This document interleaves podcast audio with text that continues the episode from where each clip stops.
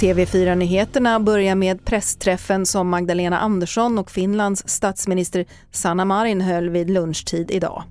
Ett eventuellt svenskt NATO-medlemskap har varit ett hett diskussionsämne på sistone. Och enligt Svenska Dagbladets källor vill statsminister Magdalena Andersson att Sverige går med i NATO i juni. Men något rakt svar på tidningens uppgifter fick vi inte på pressträffen, säger Ulf Kristoffersson, politisk kommentator. Ja, vi fick ju inga bestämda svar, men om man lyssnar på eh, tonläget och eh, så lutar det ju ändå åt att båda är på väg att eh, de går i den riktningen. Sanna Marin betonade vilket hot Ryssland utgör, att man har gräns mot Ryssland och att det är ett eh, farligt läge.